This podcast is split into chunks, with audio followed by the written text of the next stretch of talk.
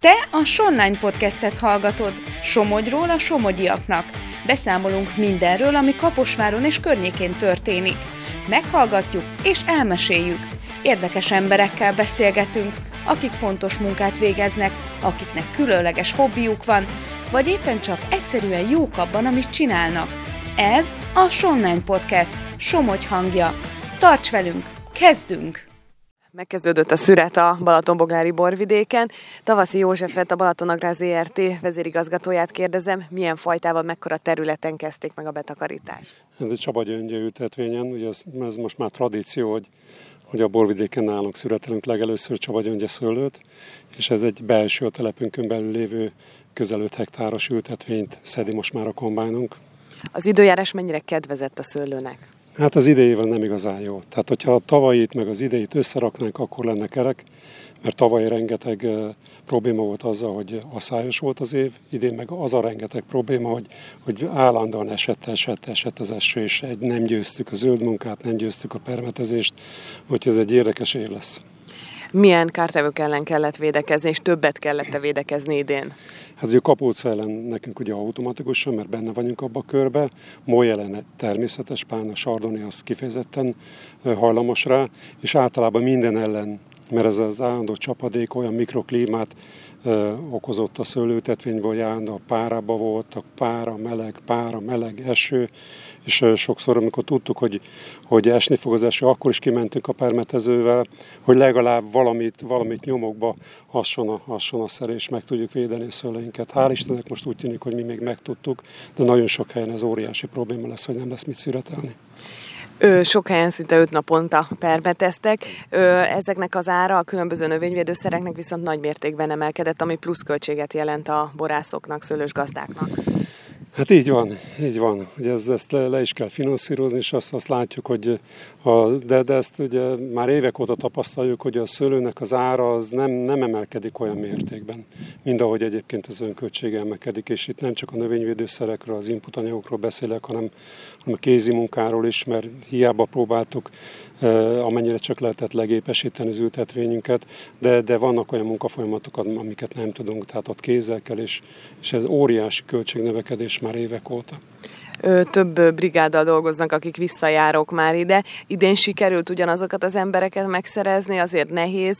Emelni is kellett egy kicsit a bérükön, hogy visszajöjjenek? Így van, hát nekünk vannak olyan brigádok, akik kell lassan már 20 éve folyamatos a kapcsolatunk. Nagy, nagyon jó, tehát még mondhatnám időzőjelben azt is, hogy baráti, nagyon korrekt korrekt kapcsolat van közöttünk, és ők folyamatosan hozzák az embereiket, de az a jó ebbe, hogy, hogy én látom egy évek óta, hogy, hogy itt dolgozott az anyuka, de már, már a, a lánya is itt dolgozik, vagy a fia is itt, tehát már több generáció dolgozik nálunk, és hál' Istennek őket meg már nem is kell betanítani azokra a munkafolyamatokra, amik, amiket csinálnak. Említette az árakat, hogyan alakulnak tavalyhoz képest, előzetesen mit lehet erről tudni?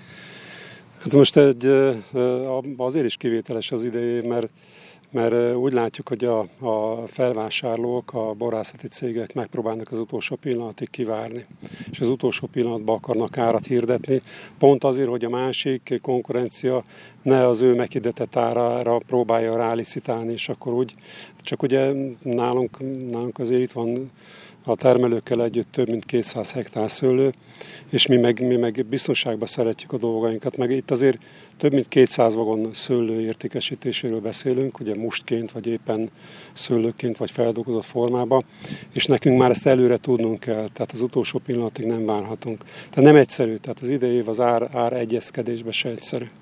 Egy viszont jó hír, hogy szeptembertől, vagy már talán augusztustól is elindul itt a feldolgozó. Hogy áll, milyen fázisban van, mekkora kapacitással tudnak itt a munkafolyamatok elkezdődni?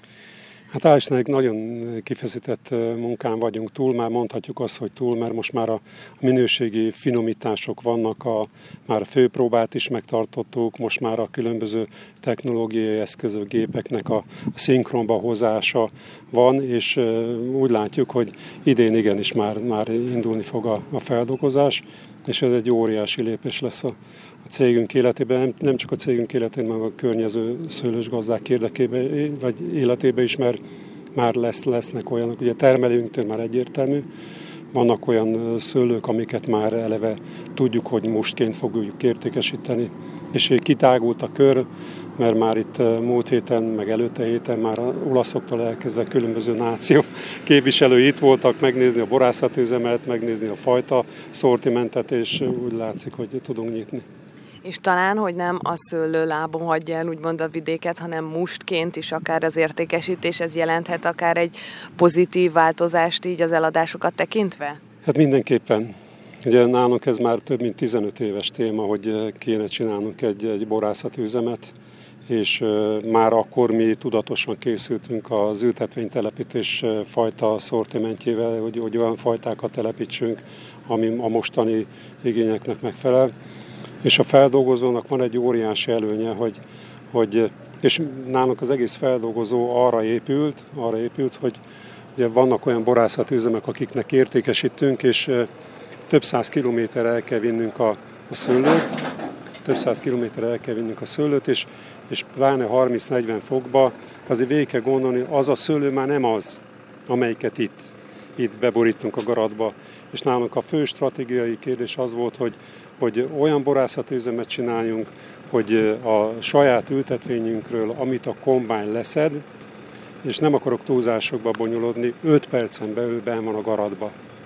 És nem csak, hogy a garatba benne van, hanem utána rögtön jön a bogyózó, és jön egy előhűtő rendszer, és már a présbe, a be, garatba beborított szőlőnek a hőmérsékletén vissza tudunk hűteni 8-10 fokot és már hűtött állapotba kerül a, a présbe, és az egész technológia olyan, hogy, hogy zárt rendszerű, a tartályok is mind hűtött, vannak olyan tartályunk, amik hűthető, fűthető, van, van olyan, olyan szűrőnk, ami kerámia szűrő, olyan csodálatos minőséget tud produkálni, és a lényeg az egésznek az, hogy, hogy a, szől, mi a szőlőnek minden illatát, ízét, zamatát be tudjuk tenni be tudjuk tenni az általunk előállított mustba, vagy, szóló, vagy, vagy borba.